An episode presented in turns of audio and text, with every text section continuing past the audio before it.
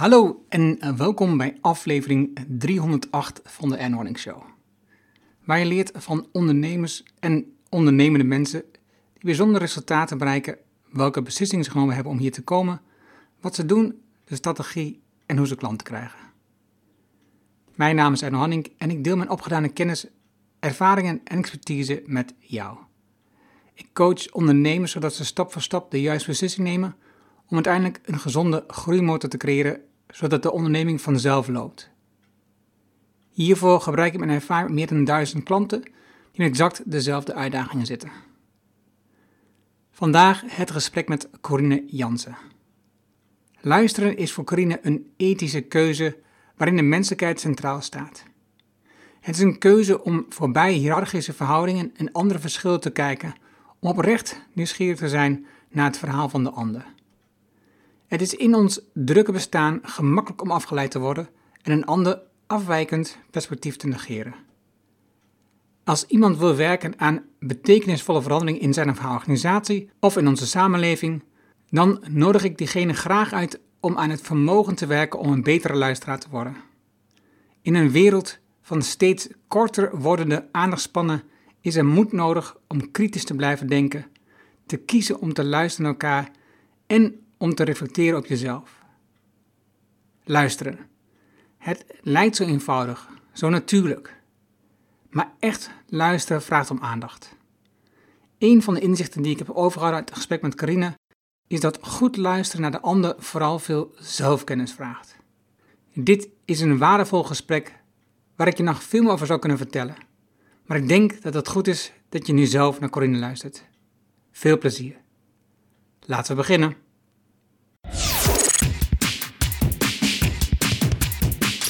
Welkom in de Erno Hamming Show.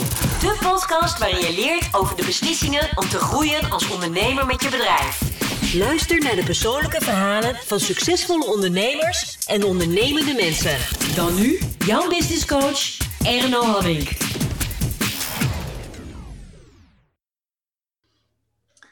Vandaag zit ik in gesprek met Corinne Jansen. Ehm, we hebben veel meer overeenkomsten dan ik zelf had bedacht van tevoren. We komen uit hetzelfde bouwjaar. Ze heeft in Doetinchem gewerkt. We zijn allebei bezig met stoïcisme. En zo komt in het gesprek vaak nog, vast nog meer punten naar voren, eh, wat heel vergelijkbaar is. In ons voorgesprek we net al uitgebreid over het stoïcisme, maar dat gaan we straks wat terugkomen. Uh, want waarom heb ik je uitgenodigd, Corine? Dat heb ik uitgelegd in ons voorgesprek, maar wat mensen niet weten is, jij bent uh, luisterexpert, um, leerling, luisteraar, om altijd te blijven beter te worden in luisteren. En ik heb drie elementen in mijn leven die ik ook altijd wil verbeteren. En luisteren is er daar één van. Luisteren, um, vragen stellen is de ander en schrijven is de ander.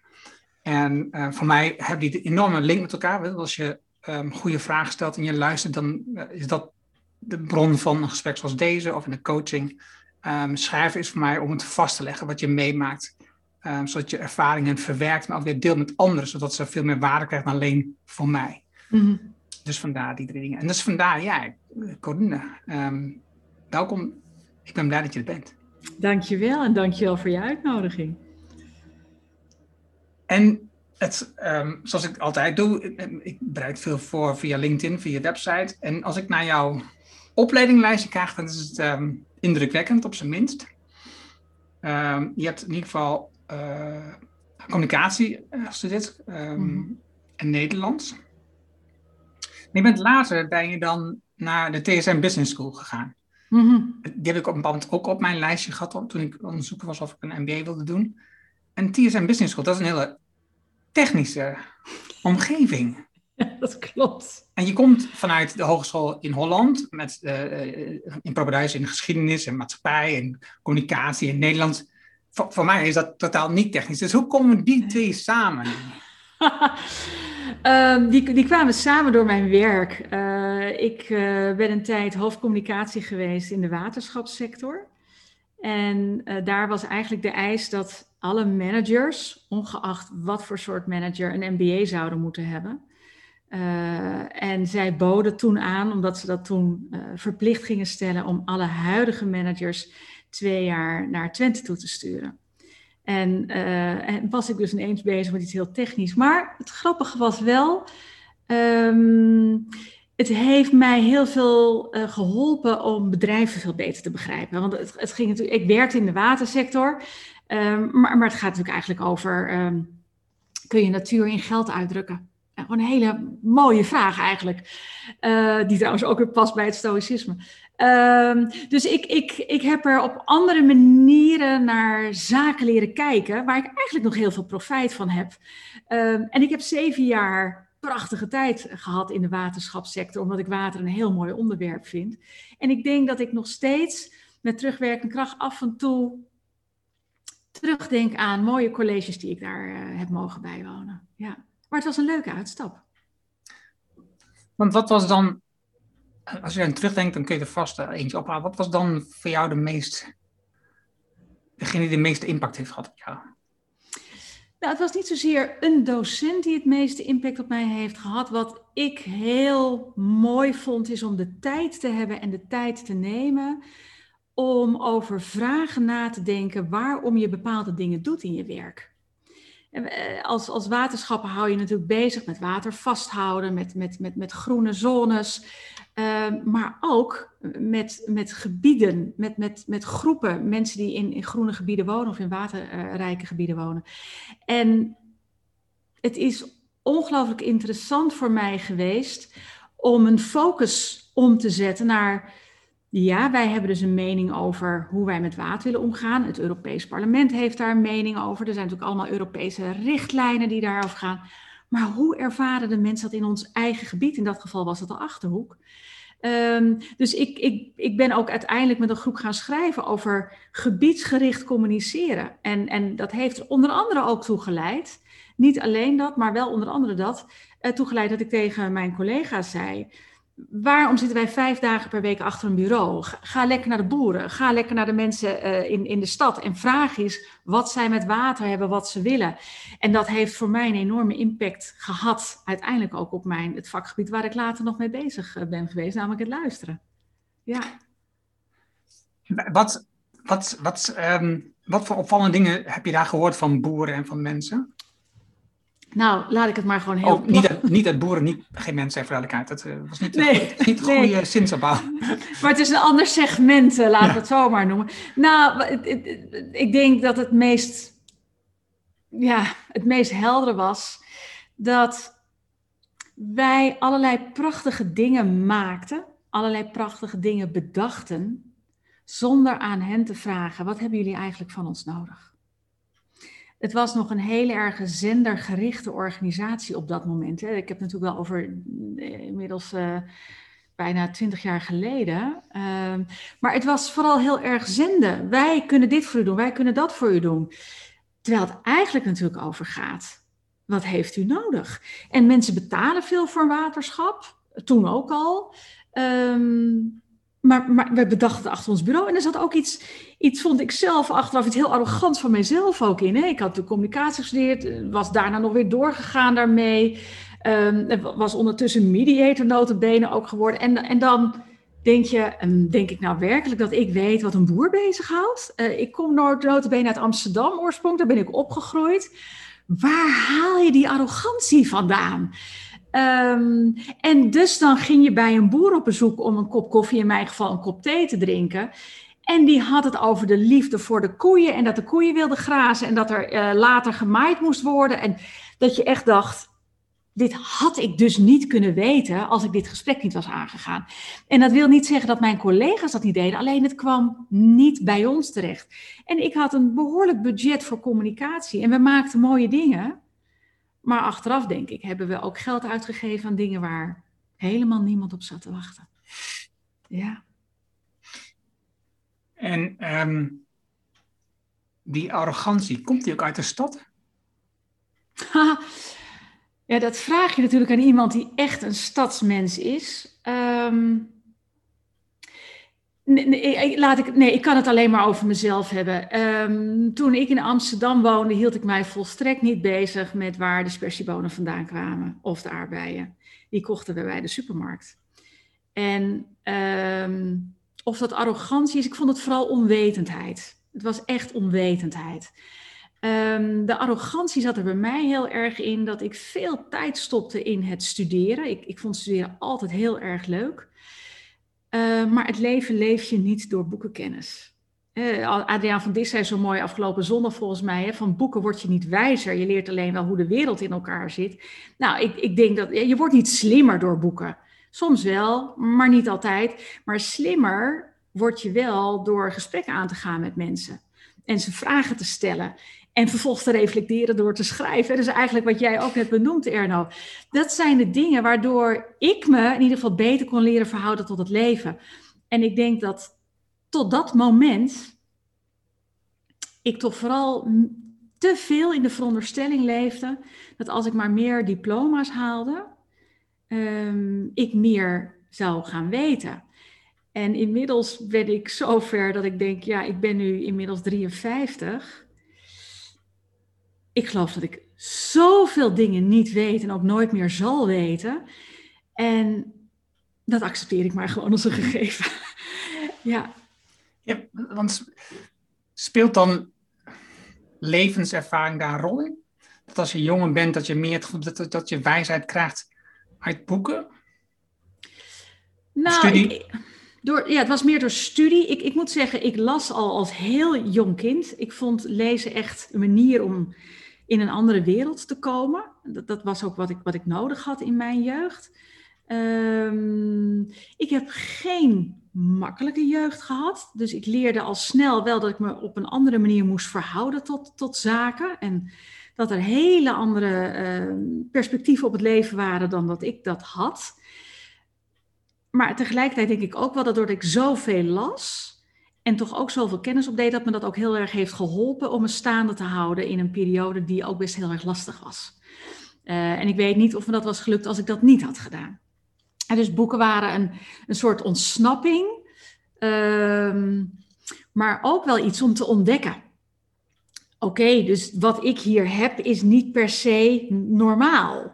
Want er zijn dus nog andere levens. Ik denk dat me dat heel erg geholpen heeft. Ja. Reis je nu veel? Niet meer zoveel. Uh, ik heb heel veel gereisd. Uh, ik ben vooral heel veel in Azië geweest. Uh, en dan ook niet één keer naar Indonesië, maar twee keer, drie keer uh, naar India. één keer, twee keer, drie keer. En uh, ja, ik heb dat altijd veel gekoppeld aan, aan mijn enorme liefde voor ontwikkelingssamenwerking. Um, dus veel op stap geweest om projecten te bezoeken. en nou ja, we hadden het even in ons voorgesprek ook over de dood. ik weet nog dat ik in, in Varanasi was, in, in India, en dat ik voor het eerst gewoon voor mijn neus een lichaam in brand zag uh, staan.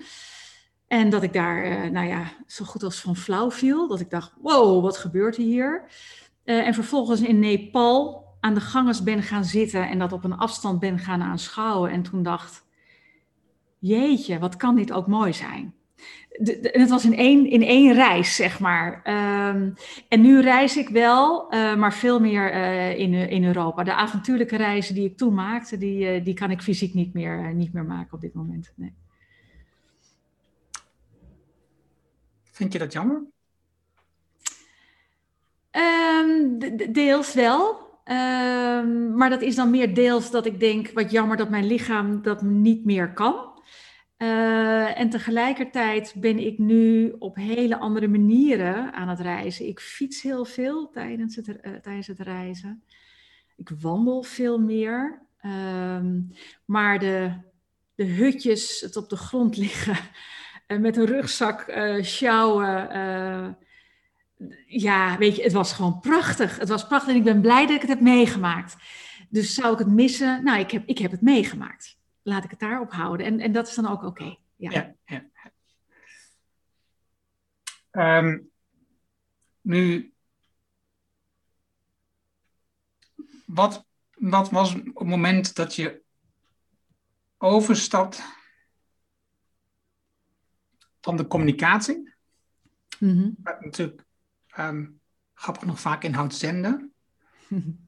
uh, naar een volledige concentratie op luisteren?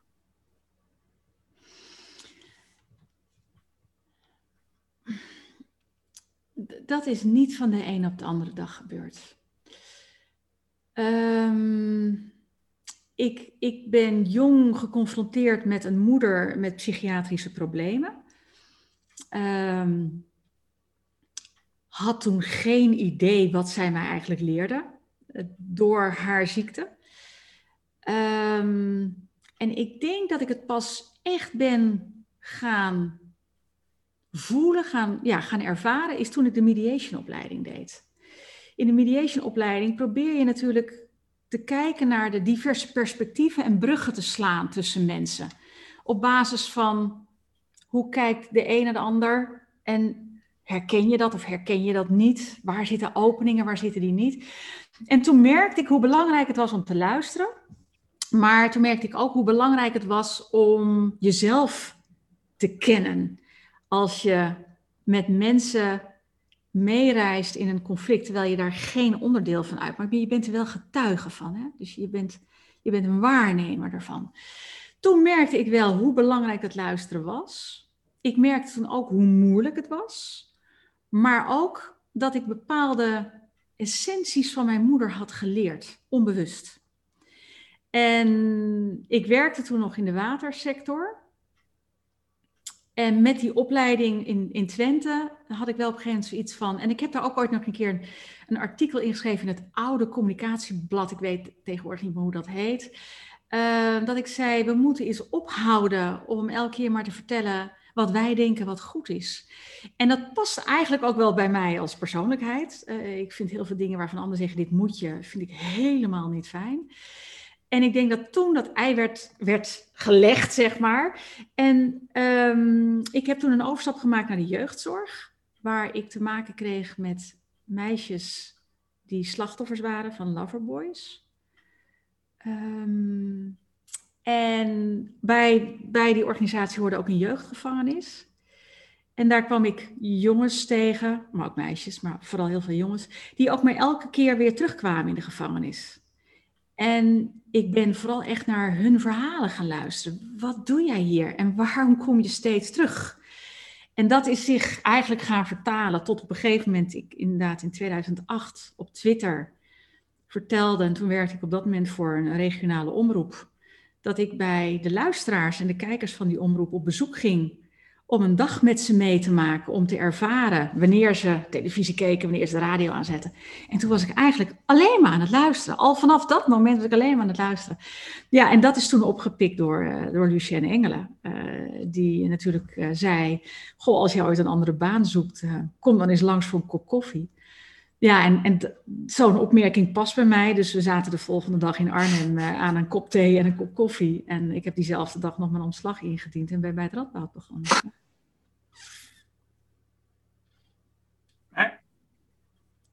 Het, het, klinkt voor mij als een grote switch van um, het waterschap naar een tray.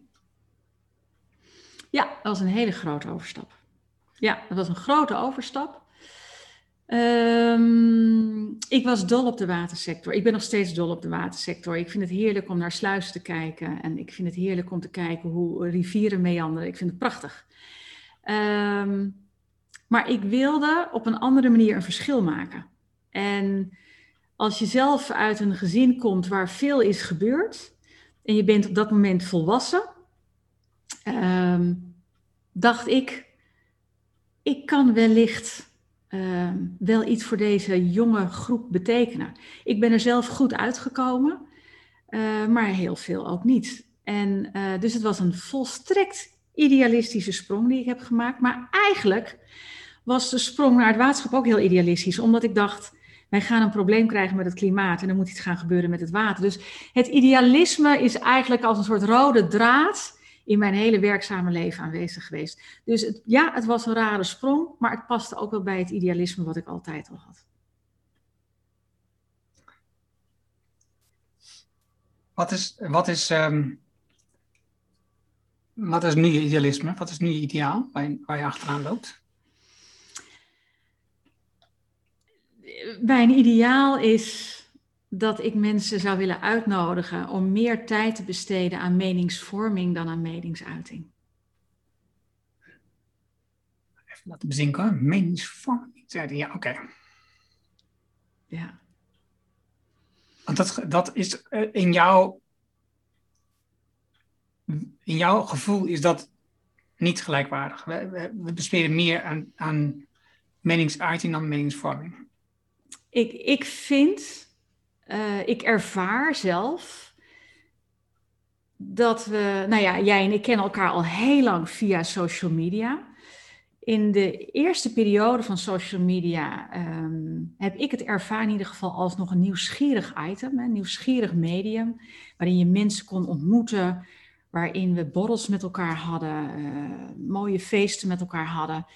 En waar de wereld groter werd, maar wel vanuit nieuwsgierigheid. Ik ervaar nu dat als er iets gebeurt, veel mensen geen vragen stellen, maar meteen zeggen hoe het zit, wat ze ervan vinden en waarom dat ook juist is. En ik vertelde al in ons voorgesprek, ik hou heel erg van bronnen. Dus ik, ik hou heel erg van filosofen, oude geschriften. Um, en als ik een verhaal hoor, en we horen er veel natuurlijk doordat de media zo snel gaat, um, vraag ik me altijd af, wat is hier het verhaal achter? Waarom doet iemand wat hij heeft gedaan? Waarom kiest iemand hiervoor? Ik kijk vol verwondering hoor naar wat er op dit moment in onze samenleving gebeurt. En niet alleen in Nederland, maar wereldwijd. Um, en natuurlijk zijn er echt dingen die mij uh, raken, die ik naar vind, die ik niet fijn vind en waar ik me ook zorgen over maak. Maar ik word, als ik een politieke uitspraak doe of opkom voor een bepaalde groep. Nou, ik, was nog vorige week. Uh, heb ik een opmerking gemaakt over dat ik het heel moeilijk vind als mensen uh, dementen worden genoemd.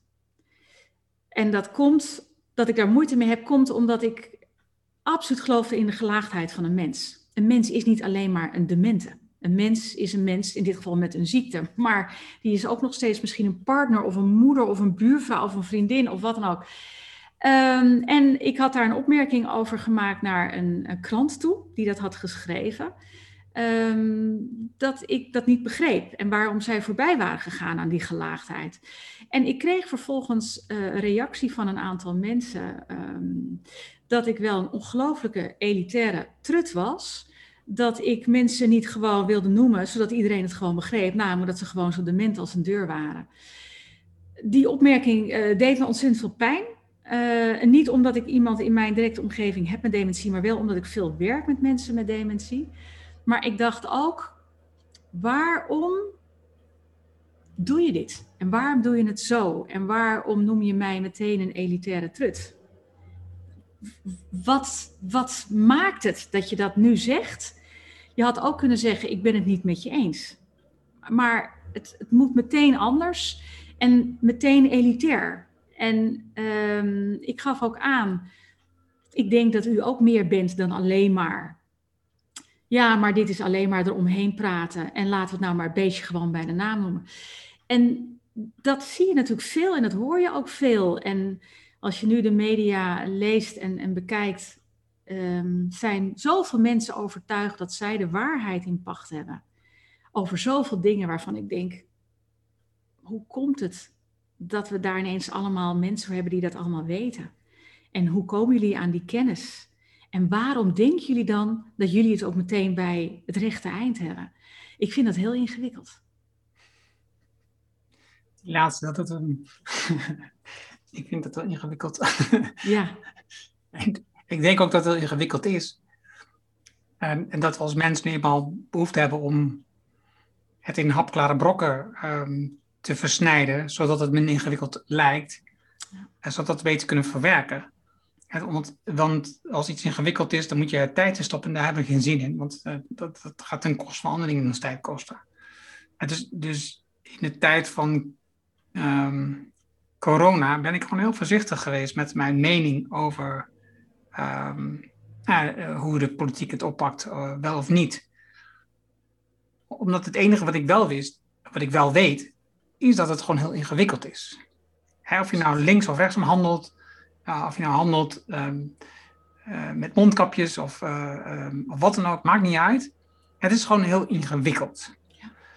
En wat mij opvalt, zeker in de media, is dat wij als mens, ik zal er vast aan meedoen, voor duidelijkheid, daarom ik ook heel bewust bij, ehm, het heel fijn vinden om mensen op te hemelen, om ze daarna te kunnen neerzabelen. Mm, mhm. En ze vinden het mooi om iemand neer te zetten die heel bijzonder is, om op het moment dat er iets niet in de haak is, wat wij denken dat dat niet klopt, Mhm, dat het niet normaal is, dat het niet past, dan, dan wordt hij weer normaal gemaakt, eigenlijk nog minder normaal, want dan wordt hij echt helemaal neergezabeld. Ja. Het is, we houden, we houden het wel, aan de ene kant houden we van door mensen als voorbeeld te hebben, op een soort voetstuk als voorbeeld, maar tegelijkertijd houden we er niet van dat mensen boven het maaiveld uitkomen. En dan moeten ze met de kop worden gelijk gemaakt. En, ehm, en ik denk dat je dat ja, op platformen als Twitter ehm, of Facebook of waar dan ook eerder ziet, omdat het heel snel gaat. Mhm. Je netwerk is vaak klein, ehm, maar het- je, ziet het, je ziet het overal. Je ziet het, je ziet het in de sportvereniging, je ziet het, je ziet het overal terugkomen. En ik, ik denk niet dat het echt van deze tijd is. Ik denk dat het, ik denk dat het heel lang al zo is. Alleen, ehm, als je kijkt naar de machthebbers van vroeger, die hadden gewoon, die waren gewoon beter in staat om, om de mensen die minder geleerd hadden, langer te onderdrukken. Dat ze niet hun eigen, Mm. en, dat, en dat is nu minder. Nu, nu, kan, nu, nu kunnen mensen zich eerder een, een mening vormen omdat ze snel toegang hebben tot informatie. Ehm, of dat nou correct is of niet, dat is niet van belang. Want als jij Ja. en ik een boek lezen over ehm, eh, het stoïcisme, het is, ook, het is ook maar een boek, weet je. Het is ook maar één Absoluut. inzicht. Absoluut. Toevallig hangen we Nou, eraan, dat is maar het is, maar één inzicht. Nou, ik, ik, ik, ik, ik, ik bezig ook echt de stelling dat ik de waarheid bij- bijna nooit ken. Want eh, als ik naar iets kijk, eh, of ik nou naar een mens kijk of naar een situatie, ehm, zie ik iets door mijn ogen, door mijn oren, door mijn bril heen. Ehm, en daarvan kan iemand anders zeggen, joh, dat heb ik helemaal niet gezien. En is het daarmee minder waar? Nee, absoluut niet. In mijn optiek tenminste niet. Eh, en dat is natuurlijk hetzelfde met boeken, dus hetzelfde met kunst, met muziek. Ehm, maar hetzelfde ook met, met, met voetbal. Eh, de ene vindt het een mooi potje, de ander niet. En dat is natuurlijk ook hetzelfde met, met, met, met politiek. Ehm, en, en, je vroeg van wat is jouw idealisme? Ik, ik zou zo graag willen dat we weer met elkaar meer tijd nemen om even na te denken.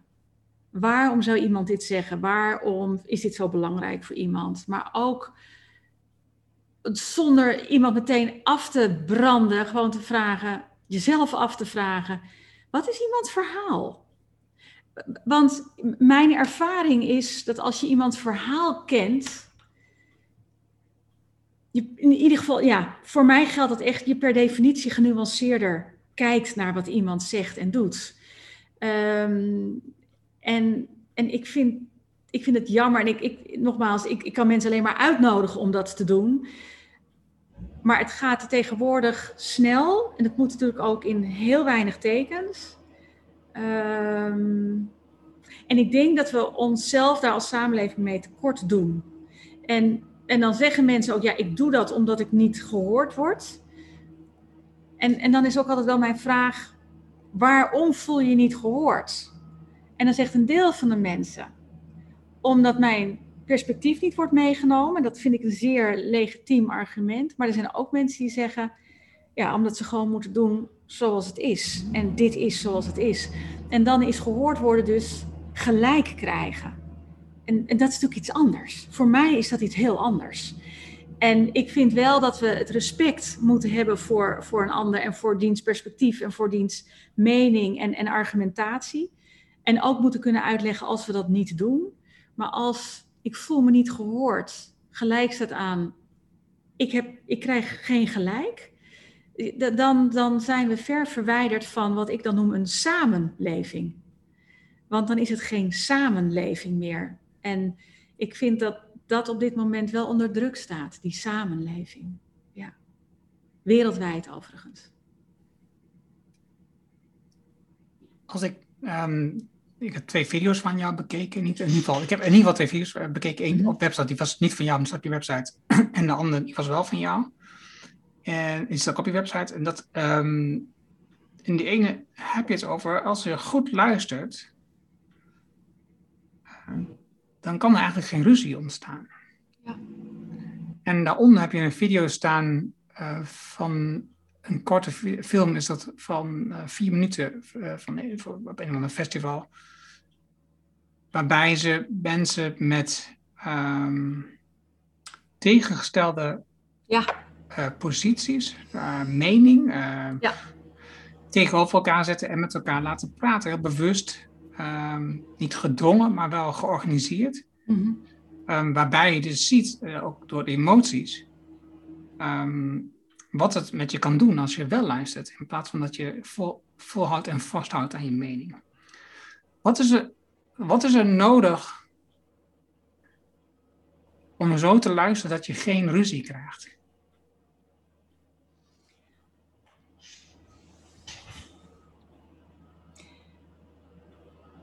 Het ligt heel erg aan de intentie. Als ik met iemand in gesprek zou gaan met een tegengestelde mening. En ik wil echt snappen waarom die ander daar zo anders over denkt. Dan betekent dat ik een keuze maak.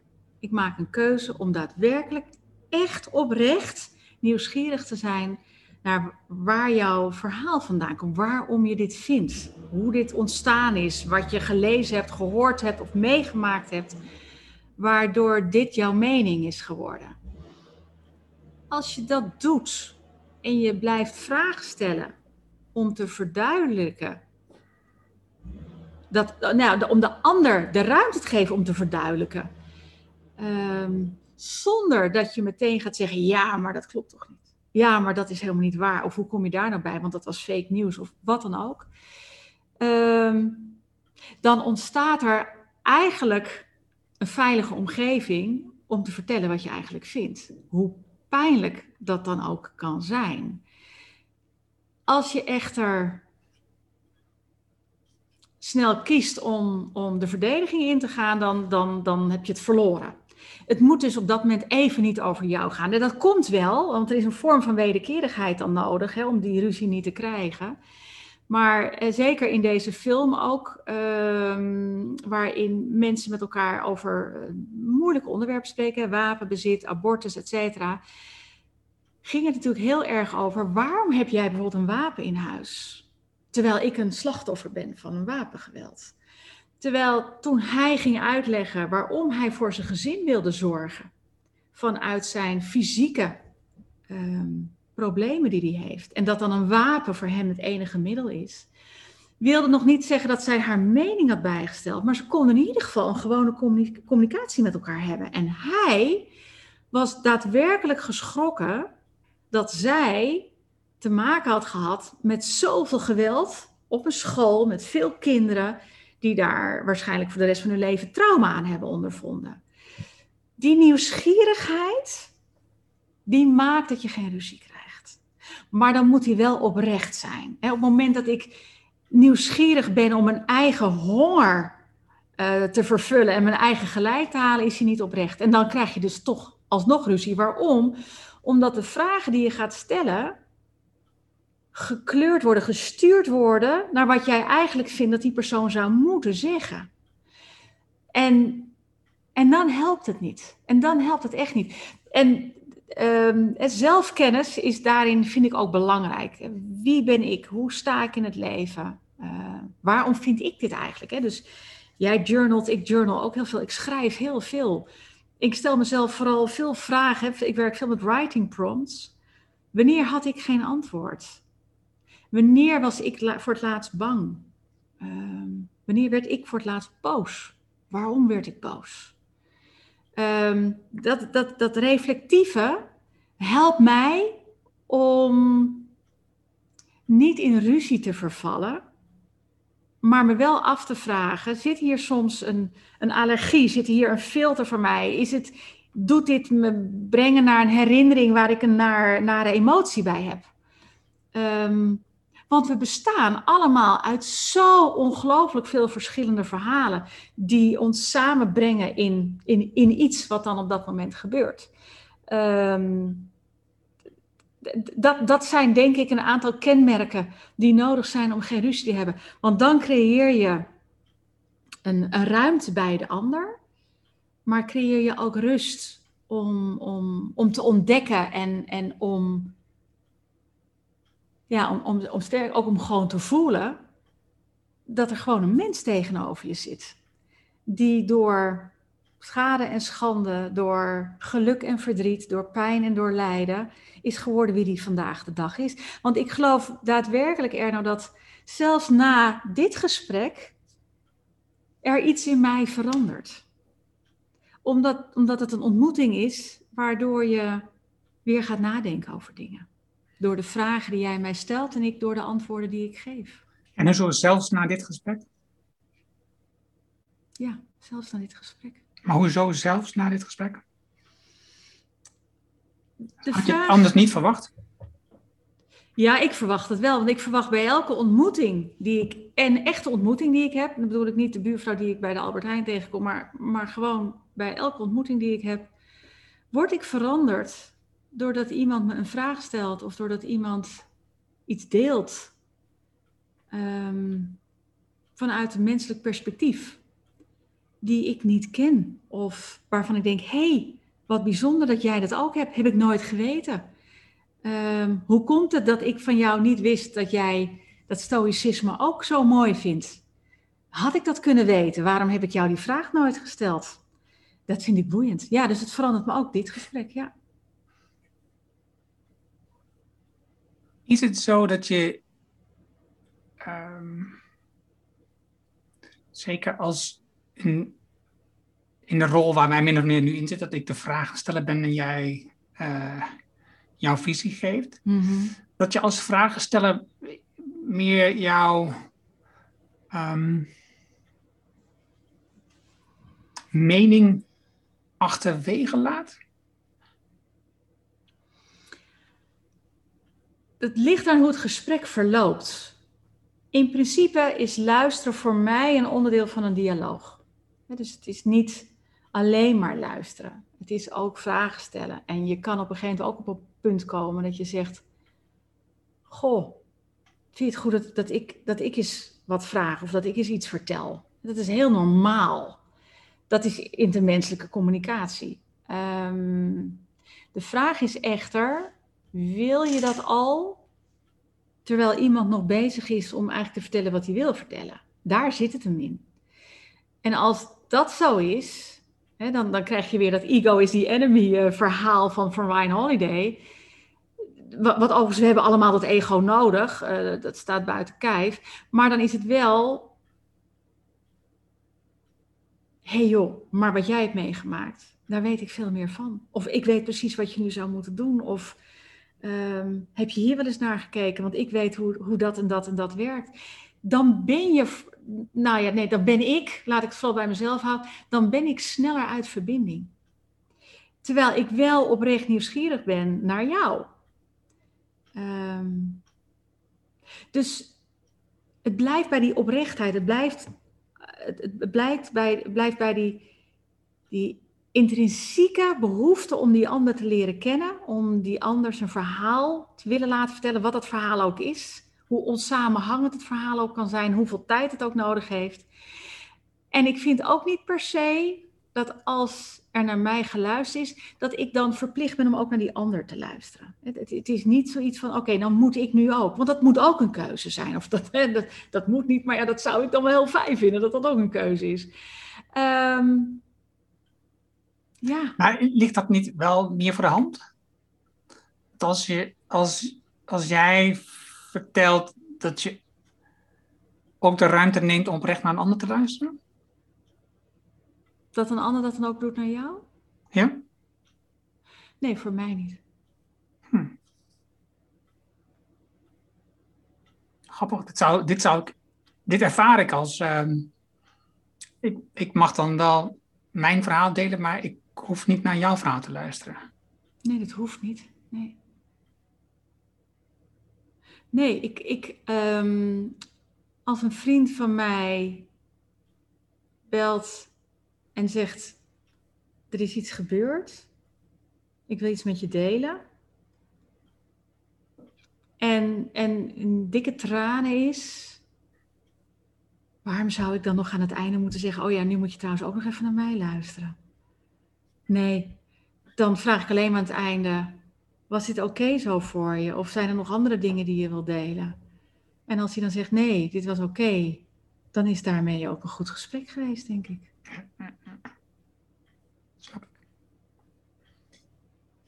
Nu ben je um, mede door Lucien Engelen um, betrokken geraakt bij luisteren in de gezondheidszorg. Mm. En wat ik van gelezen heb, begon dat bij kinderen uh, ja. met kanker. Ja. Wat, wat heeft je daar het meest in gedaan? Nee, dat is niet een goede vraag. Wat is, wat is het Wat is het dat je daar geleerd hebt waardoor je zei: Ik wil dit doorzetten, ik wil hier dieper op ingaan? Want je hebt daar een langere tijd gewerkt. Mm wat, wat maakte dat dat, het, dat, dat zo'n impact op je heeft gehad?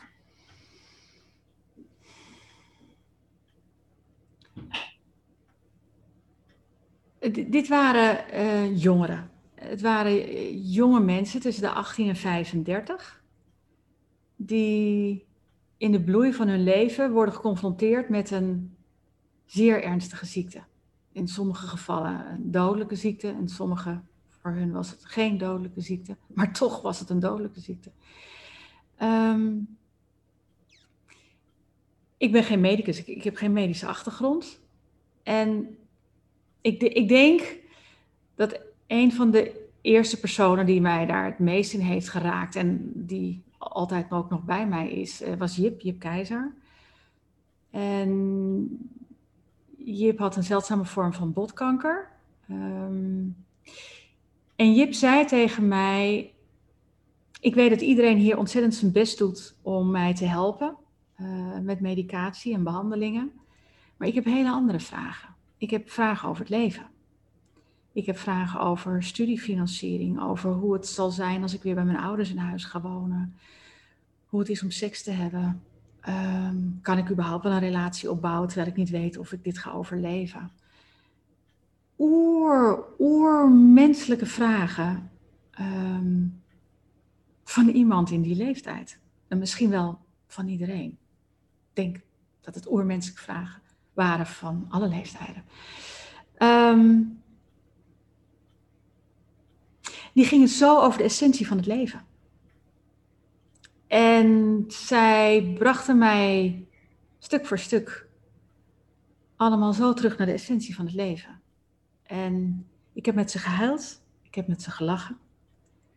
Ze belden me op zondag om te vertellen dat ze een kapelletje hadden gevonden waar ze een begrafenis wilden regelen. Tot en met Jip, die zei: Ik wil dat je spreekt op mijn begrafenis. Hij belde op een gegeven moment: Ik ben uitbehandeld.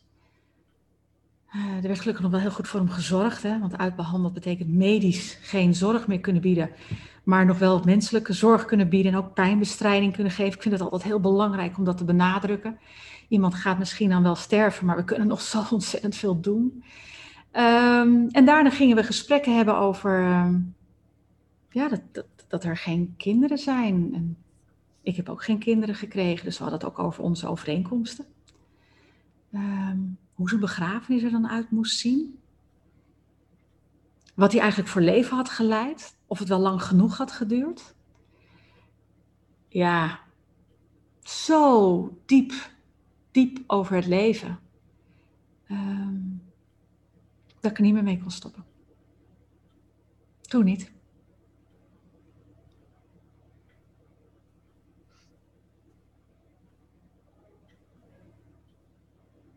Is het gevoel.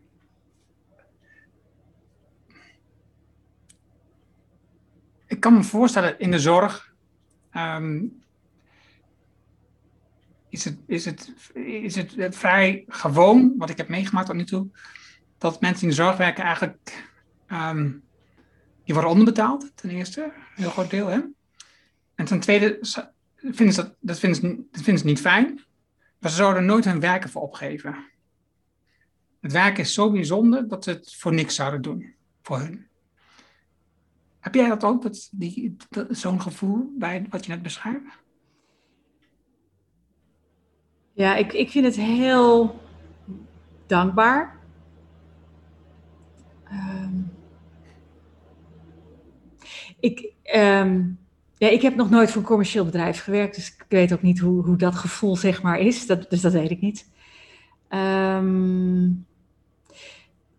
ja, ik, ik, mijn week kende geen werkdagen. Ik, ik, ik was er gewoon, altijd. En ik werd wel eens middags gebeld, op zondagmiddag, door, door een mevrouw die zei: Mijn man heeft kanker en, en hij kan niet praten. En kunt, kunt u met ons kijken wat we moeten doen? Wilt u naar ons luisteren? Ja, en dan stapte ik in mijn auto en, en dan ging ik. Ik vond het ook heel bijzonder dat ze me vertrouwden. Dat ze mij zoveel dingen toevertrouwden over het leven, maar ook over hun lijden en hun pijn. En ik kon er niks aan veranderen. Ehm, ik kon er alleen maar zijn. En ik, ik werk nu namelijk in de ouderenzorg. En ik vind het prachtig om met mensen met dementie naar schilderij te kijken. En te kijken of we zonder woorden of met woorden een ontmoeting kunnen creëren. En als dat lukt, dan is het onbetaalbaar, Erno. Dan is het onbetaalbaar.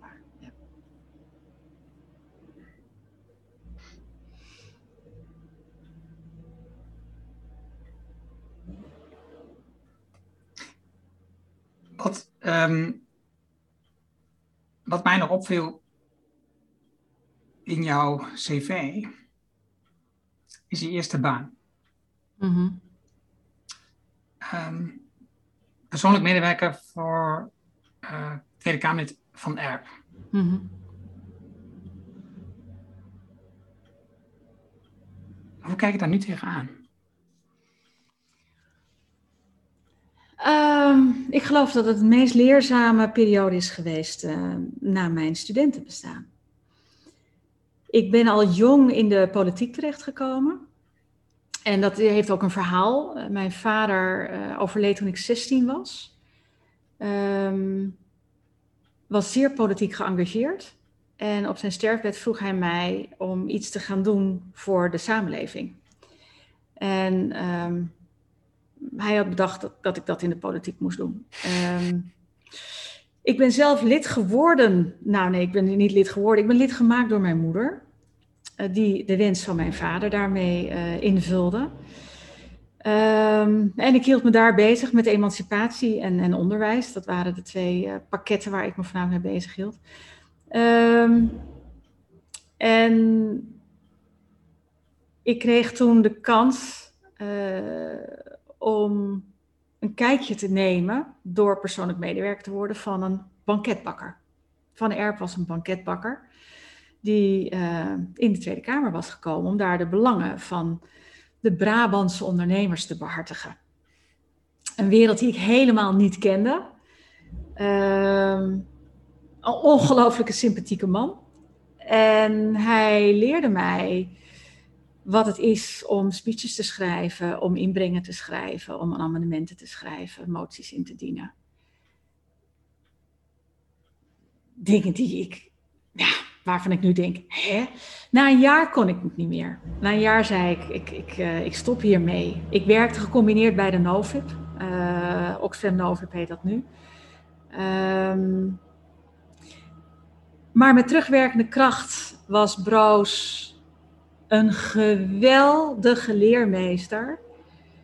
Die mij tot op, de, tot, tot op de dag van vandaag, als ik naar debatten kijk en inbrengen hoor, ik precies weet hoe het werkt, hoe het functioneert. Ik weet nog dat de eerste keer dat ik in het restaurant zat, dat ik, dat ik Wim Kok zag zitten als mens, groot, grote man. Ja, het is echt heel plat wat ik nu zeg, maar het eerste wat ik leerde van Broos is: um, wij allemaal, wij alle 150, zijn mensen die net als jij naar de wc gaan, die net zoals jij als je griep hebt in bed liggen, elke dag maaltijden nuttigen en het leven met ups en downs beleven. En ik denk dat dat zo'n belangrijke leerschool voor mij is geweest. Hij heeft mij geleerd Kijk nooit tegen wie dan ook op. En zeker niet tegen een Kamerlid. En weet hoe het systeem in elkaar zit, want het gaat je de rest van je leven helpen. En uiteindelijk ben ik uh, fulltime gaan werken bij de NOVA. Want toen ik ging werken, uh, was heel veel werkeloosheid, uh, begin jaren, eind jaren 80. dus elke baan die je kon krijgen was ook mooi meegenomen. Nou, bij de NOVA kon ik maar tijdelijk korte uren werken. Dus dit was een mooie aanvulling. En uiteindelijk toen ik bij de NOVA fulltime kon werken, ben ik weggegaan. En ik, de Kamer was niet mijn omgeving.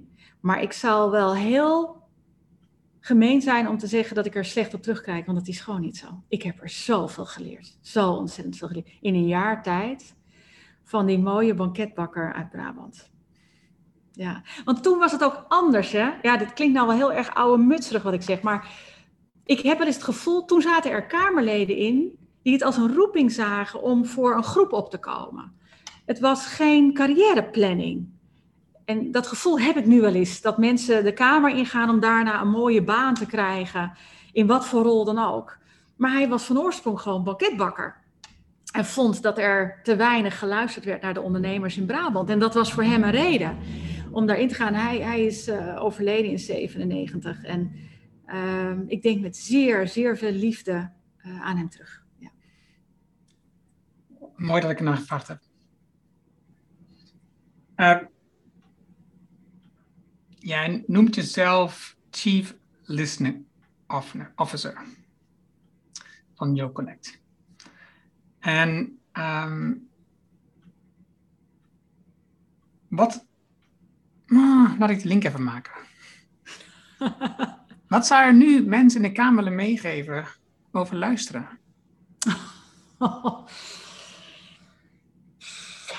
um, Laat ik vooropstellen, een lekker debat, een goede boom opzetten, dat doet een mens goed.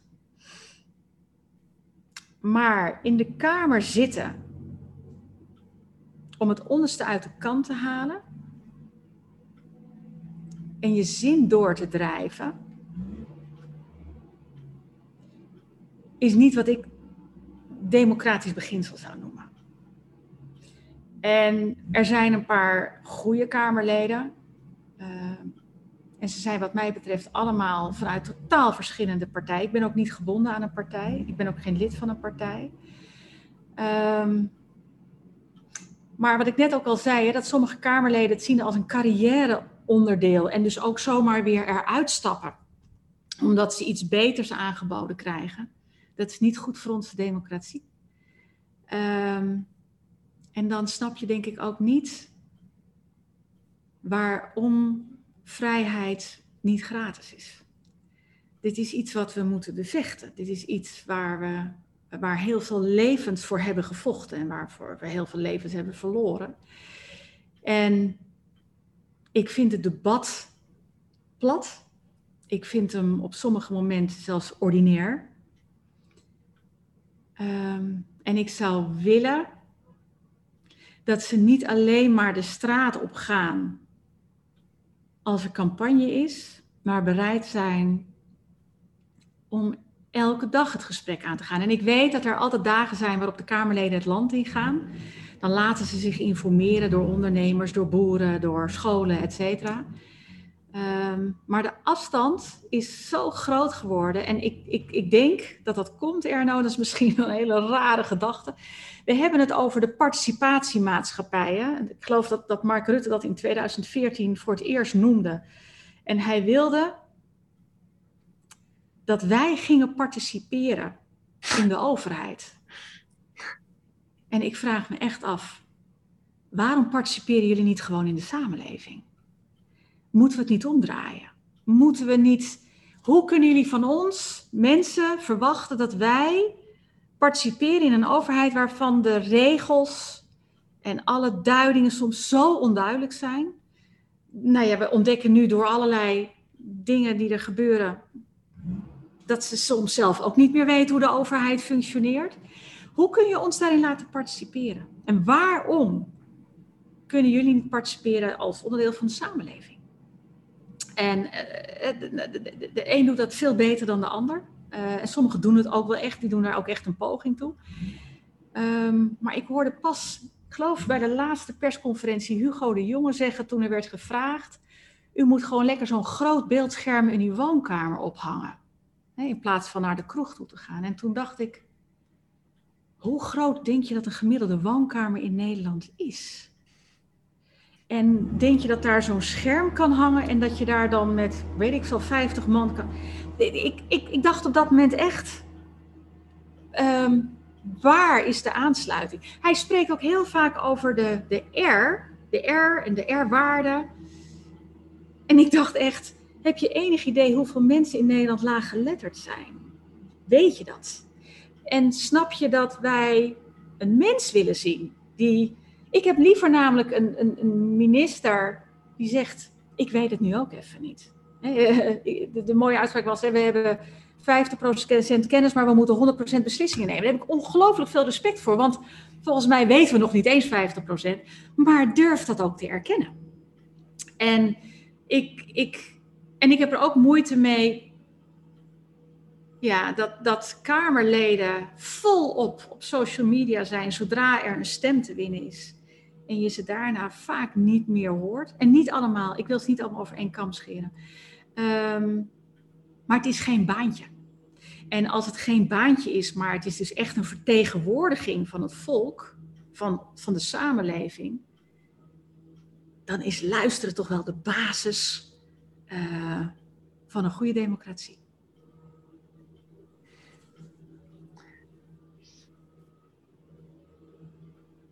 Um,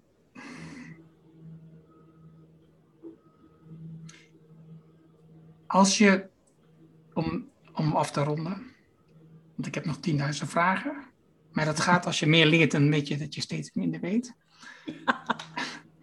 um, als je kijkt naar een ondernemer, de, banket, de banketbakker, maar gewoon ondernemers. Wat zouden zij kunnen verbeteren in het luisteren naar de omgeving, de mensen, de klanten? En hoe zou ze dat moeten doen? Luisteren is geen trucje. Dus hoe je het moet doen, dat zijn van die trucjes die, uh, waar ik niet in geloof. Het moet dus een oprechte interesse zijn die je hebt naar je klant of naar je potentiële klanten. Wie bent u? Wat houdt u bezig? Waarom ben ik hier vandaag? Wat wilt u? Kan ik dat wel bieden? Ehm, en ik denk dat het belangrijk is dat we ons realiseren in dat luisteren, dat we allemaal ook verschillend luisteren en dus ook verschillend communiceren. Ehm, als we ons product willen verkopen, noem maar wat, dan spreken we graag in de taal die bij ons zelf past. Maar het gaat ook helemaal niet om ons. Het zou moeten gaan om die klant. Dus spreek je de taal die bij de klant past. En ik zie veel ondernemers die switch niet kunnen maken. Want zij weten natuurlijk ontzettend veel van hun producten, zijn enthousiast, ze hebben er passie voor, ze geloven erin. Maar dat is niet per se datgene wat die ander heel graag wil. Dat kan, maar dat hoeft helemaal niet. En dat betekent dus dat je je verdiept in wie is iemand of wat is het voor soort bedrijf, wat voor mensen werken er.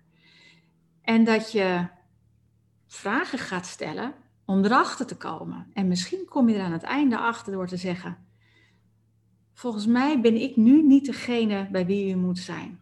Maar ik ken wel iemand bij wie u wel kan zijn of die dat wel kan aanbieden. Of een klant overtuig je dat je misschien wel een heel goed basisproduct hebt, maar dat dat nog net iets mist. Waardoor die wel met jou in zee kan gaan. Maar dan moet jij durven zo kwetsbaar te zijn dat je denkt: oké, ik kan mijn product nog beter maken of passender maken bij jou als klant. Ehm, en veel mensen die in de sales zitten, uh, zijn vaak verbaal heel sterk. En dat is hartstikke mooi. Ik kan er ook heel enthousiast van worden. Maar uiteindelijk verkoop je, denk ik, het beste door te luisteren.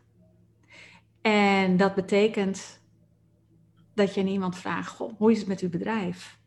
Waar bent u op dit moment? Waar wilt u naartoe met dit bedrijf? En wat denkt u daarvoor nodig te hebben? En dan kan het best zijn dat iemand zelf ineens ontdekt: Goh, ik heb iets nodig waarvan ik niet wist dat ik het nodig had. Of ik heb iets, jij hebt me op iets gewezen waarvan ik denk dat me dat wel eens heel erg kan helpen. Uh, en ik geloof dat op lange termijn je daar meer klantenbinding mee krijgt, die je misschien niet direct in je portemonnee voelt of ervaart, maar op lange termijn wel. En uh, luister vraagt om kwetsbaarheid. En ik denk dat goed ondernemerschap ook heel veel kwetsbaarheid vraagt. En het is ook hartstikke kwetsbaar. Want je weet soms niet hoe de dag van morgen eruit komt te zien. En of je dan werk hebt. En dat verschilt natuurlijk ook heel sterk per ondernemer. Um, maar het vraagt ook om, om lef. Om lef om dingen misschien anders aan te vliegen. En ik heb ontzettend veel lef gezien van ondernemers in deze afgelopen periode. Die dingen van zichzelf hebben ontdekt waarvan ze dachten, dat ga ik toch nooit doen. En ze doen het nu gewoon. Um, en lef is een onderdeel van luisteren. Want als je het lef hebt om naar iemand te luisteren, heb je dus het lef om wellicht veranderd te worden door iemand anders. Ja.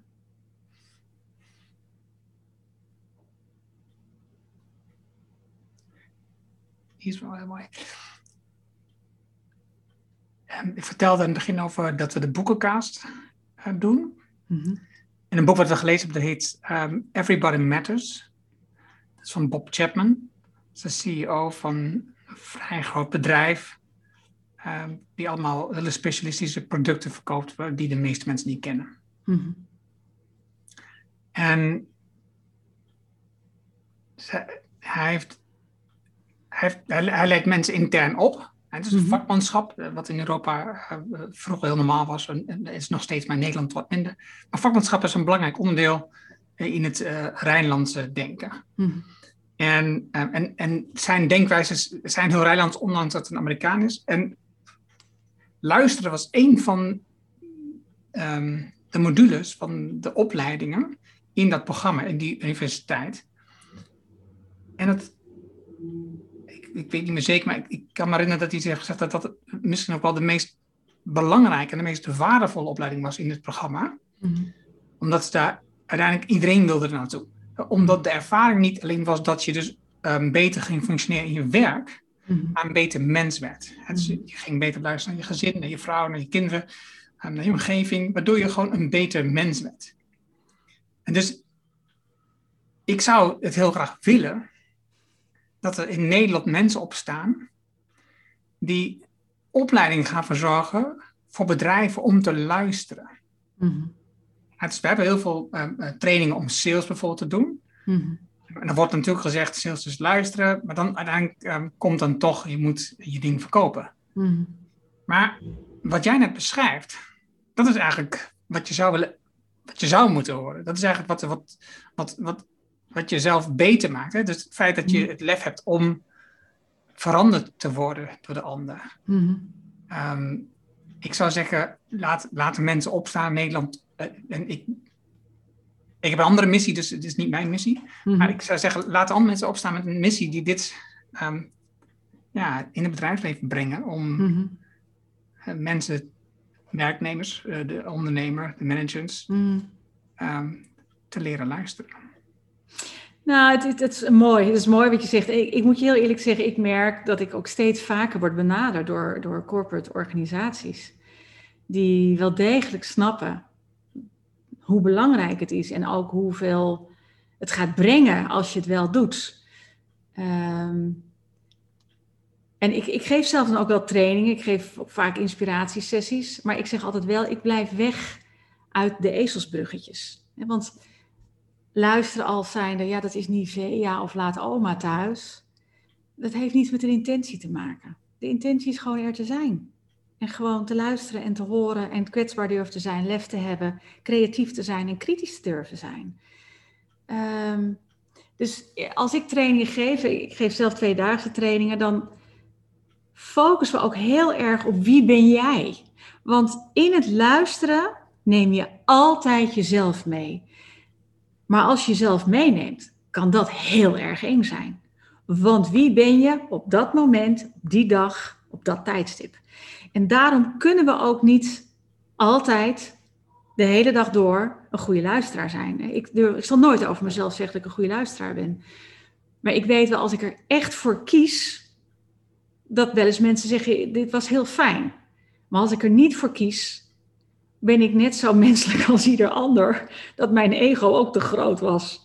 Ehm, dus je kunt het trainen door te durven kijken naar jezelf en te snappen wat de modellen zijn. Hè, want er zijn prachtige uh, Amerikaanse boeken geschreven over wat luisteren is en, en, onderzoek naar gedaan.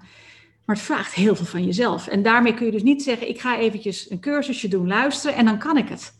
Nee, dat moet een oprechte keuze zijn. Dat je op een andere manier leiderschap wil tonen. En dan hoef je geen manager of leider te zijn, maar leiderschap over jezelf wil tonen. Om open te staan om van een ander te leren. En, en dat is ja, als een spier er nou die je moet trainen. Net zoals je in de sportschool niet binnen een week spierballen hebt, heb je dat ook niet meteen te pakken. En ik, ik doe dit werk nu twaalf jaar, dag in, dag uit. Ik, het is hard werken. Elke dag nog, ja. Ja, ja en zo kijk ik ook naar dit, naar dit onderwerp, naar het onderwerp luisteren. Dat is, het is oneindig. Het, het, het, houdt op als ik doodga. Ieder niet. Het is, dus het leren, echt iets oprecht leren, dat is wat je zegt, dat is, ah, is geen truc. Um, maar het is, het is gewoon de intentie om gewoon iedere dag beter te willen worden. En, en ik vind het wel mooi, je begonnen met luisterexpert. Ik ben alleen maar een luisterexpert op de theorie ik, ben, ik weet veel over theorie van luisteren. Ik ben net een wandelende encyclopedie op dat terrein. Maar daarmee ben ik geen goede luisteraar.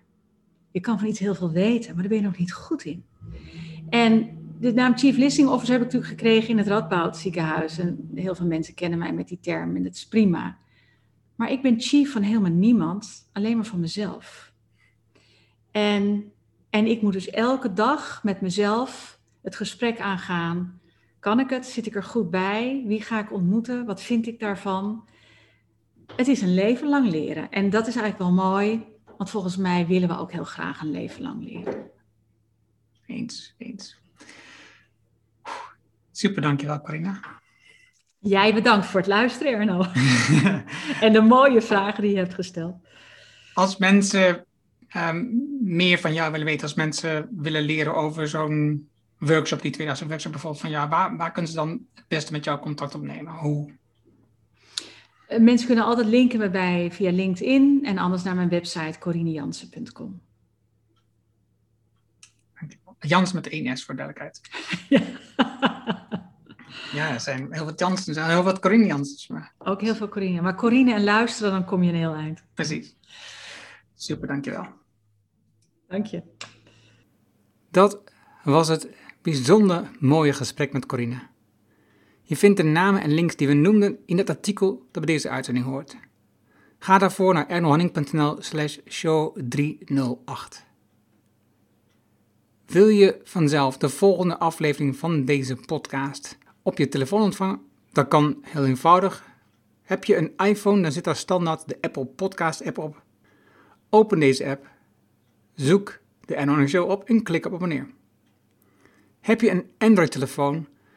Ja, dan installeer je bijvoorbeeld eerst de Player FM app, open die app, zoek de Anonic Show op en klik op abonneer.